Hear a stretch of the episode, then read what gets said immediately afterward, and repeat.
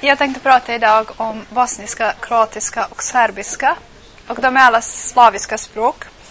Slaviska språk tillhör den indoeuropeiska språkfamiljen där också romanska och romanska språk hör. Och eh, skillnaden mellan olika slaviska språk är mindre än skillnaden mellan den romanska och, inom den romanska och den germanska gruppen. Och det beror på att slaviska språk betydligt senare förgrenat sig i olika språk. Fram till ungefär 300-talet efter Kristus eh, kan man fortfarande tala om ett språk med mindre dialektala skillnader. Det så kallade urslaviska språket. Slaviska språk delas i tre stora grupper. Estslaviska, där ryska, ukrainska och vitryska tillhör. Västslaviska med polska, tjeckiska, slovakiska, hög och lågsorbiska och krusinska. Och sen har vi den sydslaviska gruppen där slovenska, bosniska, kroatiska, serbiska, bulgariska och makedonska ingår. Den sydslaviska gruppen kan vidare indelas i två delar. Dels öst-sydslaviska gruppen med slovenska och hela det här området där bosniska, kroatiska och serbiska talas. Och sen har vi den väst-sydslaviska gruppen där bulgariska och makedonska talas. Officiellt sammanfaller språkgränserna med de olika ländernas gränser. Men eh, språkgränserna i hela det sydslaviska området är mycket flytande.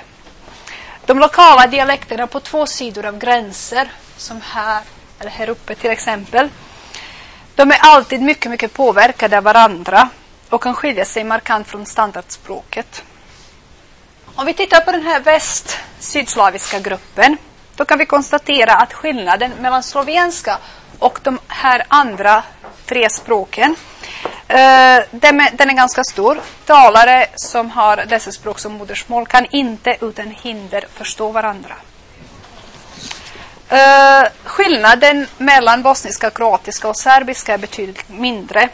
Modersmålstalare kan utan hinder förstå varandra. Och fram till 1990-talet betraktades dessa språk oftast som ett språk som man vanligtvis kallat serbokroatiska eller kroatoserbiska. Även beteckningen nash jezik eller vårt språk var och är vanlig. Och den brukar ses som en bra lösning när man inte vill hamna i någon språkdispyt som verkar vara ganska, ganska omtyckt i hela området. Fast det funkar förstås inte för utlänningar. Utlänningar kan inte komma och säga deras språk. Serbiska talas ungefär av 10 miljoner serber. Kroatiska talas av 4 miljoner kroater plus en miljon talare utanför landet. Och i Burgenland i Österrike talas en egen kroatisk variant. Bosniska talas av 2 miljoner bosniaker, bosniska muslimer. Montenegrinerna, och de är ungefär 680 000, använder den serbiska språkvarianten. Men man har också på senare år kommit med förslag på att erkänna även den montenegrinska språkvarianten som ett eget språk. Men det har inte blivit officiellt än. Men det kanske kommer, vi får väl se. Dessa språk är officiella i de länder och områden där de etniska grupperna är i majoritet. Serbiska är det officiella språket i Serbien och i Montenegro. Kroatiska i Kroatien. Uh, och uh, i Bosnien har vi tre språk sedan 2002 som officiella. I Republika Srpska, den eh, serbiska delen, talar, har man serbiska som det officiella språket. Och uh, den muslimsk-kroatiska federationen som är uppdelad i små bitar med antingen kroatisk eller bosnisk, bosniakisk majoritet, där används uh, kroatiska eller bosniska som det officiella språket. Men officiellt är alla tre språk. Det är alltså mer personer som använder språk i de här olika områdena. Och tack vare den uh, forna Jugoslaviens 75-åriga existens finns det en hel del makedonier, slovener, albaner och ungrare som alla var, tidigare var, varit medborgare i forna Jugoslavien som alla kan bosniska, kroatiska eller serbiska flytande. Frågan om eh, hur många språk det är tal om den är fortfarande lite omstridd också bland lingvisterna. Och det är för att man kan betrakta det hela från lite olika håll. Dels kan man utgå från språkens dialektala bas och då kan man titta på området ur ett språkgenealogiskt perspektiv. Man kan titta på det synkront. Man kan undra vilka språkstandarder som finns idag. Man kan titta på det språkhistoriskt. Finns det någon språk, eh, skriftspråkstradition? Finns det någon litteratur skriven på de här språken? Och man kan lägga till ett sociologiskt politiskt perspektiv på det hela och tala mer om nationalitet och etnicitet. Och det beroende på vad man, eh, vad man tittar på kommer man snart att inse att eh, gränserna i dessa fall inte sammanfaller. Hela det här språkområdet Eh, där bosniska, kroatiska och serbiska talas kallas ibland för mellansydslaviskt eller centralsydslaviskt språksystem. Och det kan indelas i fyra dialekter. Här, upp, här har vi stokaviska som är den största, kajkaviska, tjakaviska och sen torlakiska. Och ni ser här lätt att eh, de eh, nationella gränserna och, och de här dialektal, dialektala gränserna inte sammanfaller. Eh, uh, Kajkaviska, stokaviska och tjakaviska har fått sitt namn efter frågeordet vad, som kan vara sto eller sta, kaj eller tja. Eh, de dialektala skillnaderna mellan de här dialekterna är ibland så stora att talare inte förstår varandra så bra. Men historiskt är de här dialekterna så besläktade att man kan tala om ett språk inom den slaviska språkgruppen och då talar man alltså språkgenealogiskt. Kajkaviska som står där uppe den talas i nordvästra Kroatien. Och den har många likheter med slovenska. I gränstrakterna är det snarast eh, den etniska tillhörigheten än, än eh, språket som avgör vilket språk man anser sig tala. Uh, i det kajkaviska området har man på 15, 16 och 1700-talet skapat en viktig litteratur. Anton Vramets, Tito Brezovacki och så vidare. Och idag används det som ett regionalt skriftspråk. Chakaviska talas i Dalmatien. Det är ett smalt område eh, längs Adriatiska havets kust. Och sen också på de här öarna Eh, historiskt har detta område under långa perioder varit under ett italienskt styre och det har också satt sina spår i språket som, has, eh, som är starkt påverkat av romanska drag. Och tidigare hade trakaviska använts som det officiella språket i Dalmatien och idag används det som ett regionalt skriftspråk. Och den trakaviska dialekten har också uh, haft under tidernas gång uh, rik litteratur, särskilt på 1400 och 1500-talet uh, eh, då Marko Marulic och Hannibal Lucic och Petar Zoranic till exempel skrivit på den här dialekten. sen har vi den här torlakiska Eh, som talas i sydöstra Serbien på gränsen till Bulgarien och Makedonien. Eh, detta område hade mellan 1878 och 1914 varit under bulgariskt styre och man hade bulgariska skolor så det här området är starkt påverkat av sina grannspråk, bulgariska och makedonska. Ursprungligen var det en stokavisk dialekt men nu är det så starkt påverkat att man, eh, man har många balkanismer, alltså gemensamma drag som finns i flera språk Eh, på Balkan. Till exempel har man reducerad kasusböjning, man har inget infinitiv och så vidare. Så en del lingvister anser att det här snarare ska tillhöra den här gruppen, den här dialekten alltså. Och sen har vi stokaviska som är den absolut största dialekten, den mest utbredda. Den talas i delar av Kroatien, i hela Bosnien och Montenegro och i större delen av Serbien. Och denna dialekt började utbreda sig efter 1300-talet när turkarna började tränga fram och då skedde stora folkförflyttningar och den utbredde sig på bekostnad av kajkaviska och tjakaviska. På 1650-talet utkristalliserades stokaviska som det dialekt kroaterna skulle bygga sitt standardspråk på. Och denna process avslutades av Ljudevit Gaj på 1850-talet när man också i Serbien bestämt sig för att stokaviska skulle bli det, standard, det standardiserade språket eh, i arbete av Det finns många skillnader inom dialekter. Tidigare var det inte alls ovanligt att varje by hade några enstaka ord som skilde sig från eh, de andra byarna. Man kan indela stockaviska på två olika sätt. Dels kan man tala om ikaviska, ekaviska och iekaviska. Och grunden till detta är en gammal, ett gammalt ljud som man uttalat på tre olika sätt, en gammal bokstav också, som heter jat, som man uttalade som e i det ekaviska området, som IE eller J i det ekaviska området eller som I i det ikaviska. Så man kunde säga för flicka devojka, djevojka eller divojka i den ikaviska, det ikaviska området. Uh, den serbiska språkvarianten tillåter både den ekaviska och den ekaviska formen. Men man ska inte blanda i, ett och samma, i en och samma text. I ekaviska talas i Bosnien, Kroatien och Montenegro, större delen av Kroatien.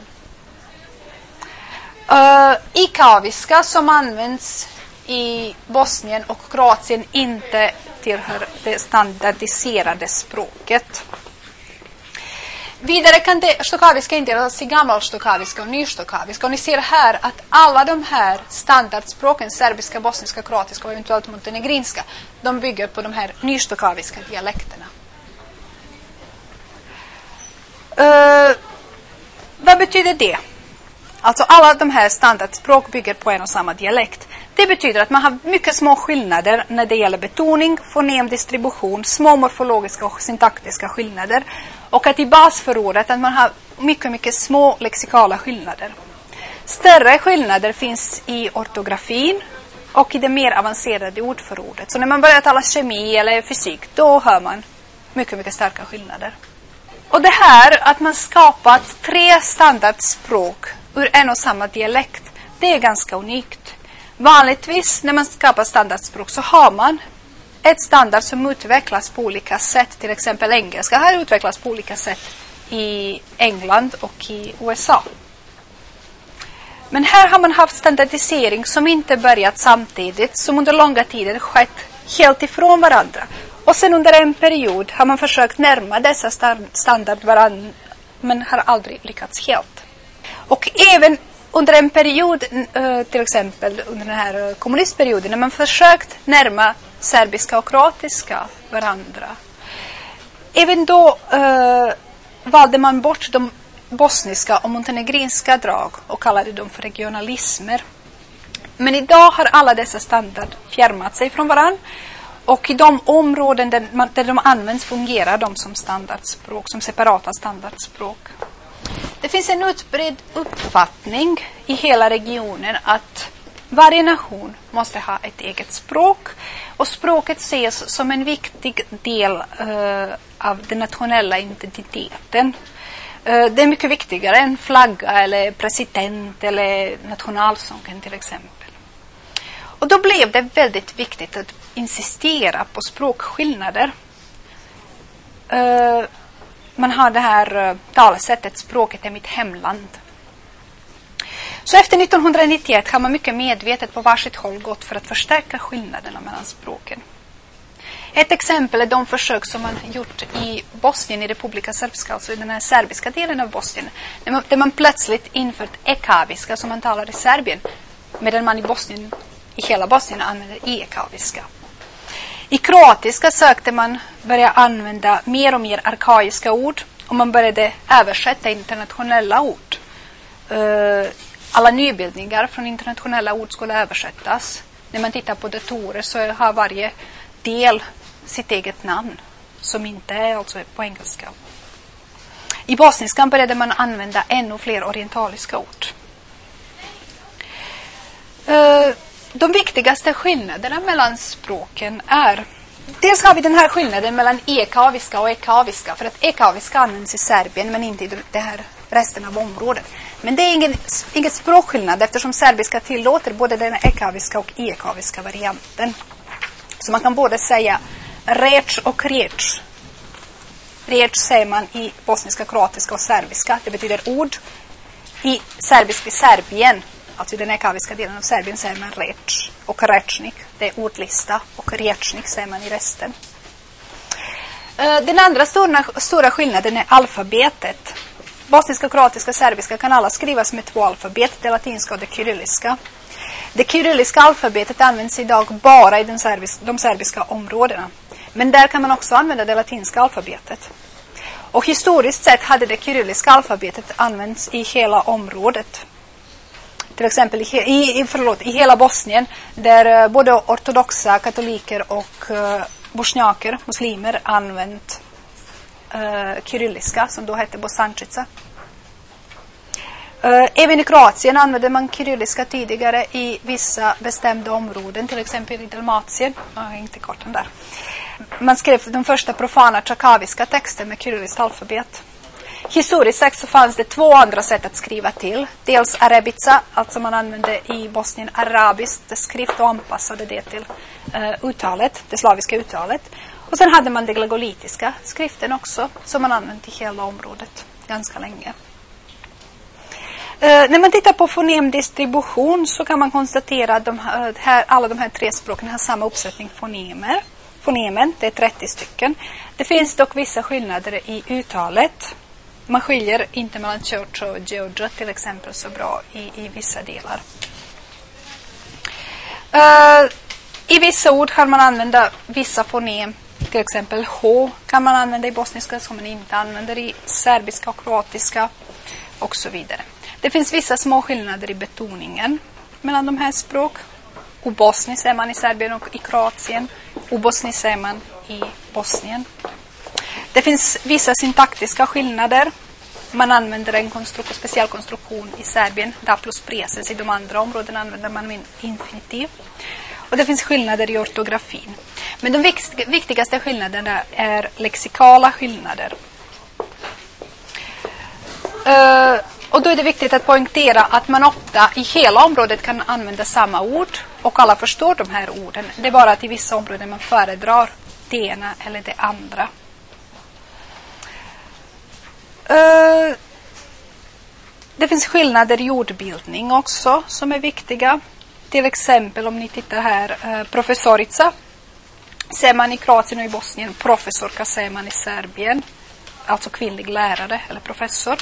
Studentica säger man i Kroatien och studentkinja i Serbien, alltså kvinnlig student. Men det är inte så att den här itza-ändelsen bara är kroatisk eller bosnisk. Alla säger till exempel crnkinja Eh, och så vidare. Sen eh, här finns en viktig skillnad också när det gäller låneord. Kroatiska har fler låneord från latin och tyska medan serbiska har fler turkiska eller grekiska låneord. Och bosniska har ännu fler oriental, ord från orientaliska språk, arabiska, persiska och turkiska. I Bosnien är situationen mycket komplicerad då man fram till 1990-talet kunnat använda både de här, uh, lexika, när det förekommit en lexikal skillnad mellan kroatiska och serbiska. I Bosnien kunde man ofta använda både och. Och man hade ofta en egen uppsättning av dubbletter. Man valde vissa ord från den kroatiska sidan och vissa ord från den serbiska sidan. Det är också intressant att notera att ibland är de regionala skillnaderna viktigare än de etniska. Man använder ett ord i ett område oavsett den etniska tillhörigheten. Så för några ord skapades egna varianter som bara används i Bosnien. Till exempel säger man i Serbien pomoranja, i Kroatien säger man naranja och i Bosnien säger man naranja. Och det säger man oavsett den etniska tillhörigheten. Uttalet är också regionalt. Eh, det är väldigt lätt att höra om någon kommer från Sarajevo, eller Zagreb eller Belgrad. Bara när man hör dem prata. Det finns en krock ibland mellan de regionala skillnaderna och de etniska skillnaderna. Och uh, man kan säga att många enskilda personer efter 90-talet och den här uppdelningen sökt uh, modifiera sitt språk och anpassa det till det som de ansett de borde prata enligt deras etiska tillhörighet. Man bytte ibland dialekt. Och sen hände det också så att många förflyttats, så man hamnat i en annan regionalt område. Så plötsligt så blev det lite oklart om det var den etniska tillhörigheten eller den regionala tillhörigheten som var den dominanta faktorn i en persons val av språk och dialekt. Och eh, i en sån situation blev det jätteviktigt med vissa ord, för de blev etniska, etniskt starkt markerade. För att oavsett var någonstans man bor, oavsett den här regionala likheten, ville många gärna uttrycka det här att de tillhör en egen en viss etnisk eh, grupp. Ett sådant ord är ord för kaffe som eh, är starkt etniskt markerat. Alla kroater, oavsett var någonstans de bor, säger gärna kava. Alla serber, oavsett var de bor, säger kaffe. Alla bosniaker, oavsett var de bor, kan säga antingen kaffe, men de kan också säga kahva. Och just det här kahva har blivit mycket etniskt markerat. För då vet man vem det är som säger det där. Och då när jag själv är i området och brukar resa ganska mycket och tidigt på morgonen vill jag inte tänka så mycket på, på, på vad jag beställer och, och, och är trött om att tycka om lingvistik och då tycker jag det är bäst att jag beställer en cappuccino. Och tack för att ni kom och för att jag fått berätta lite om mina kaffevanor.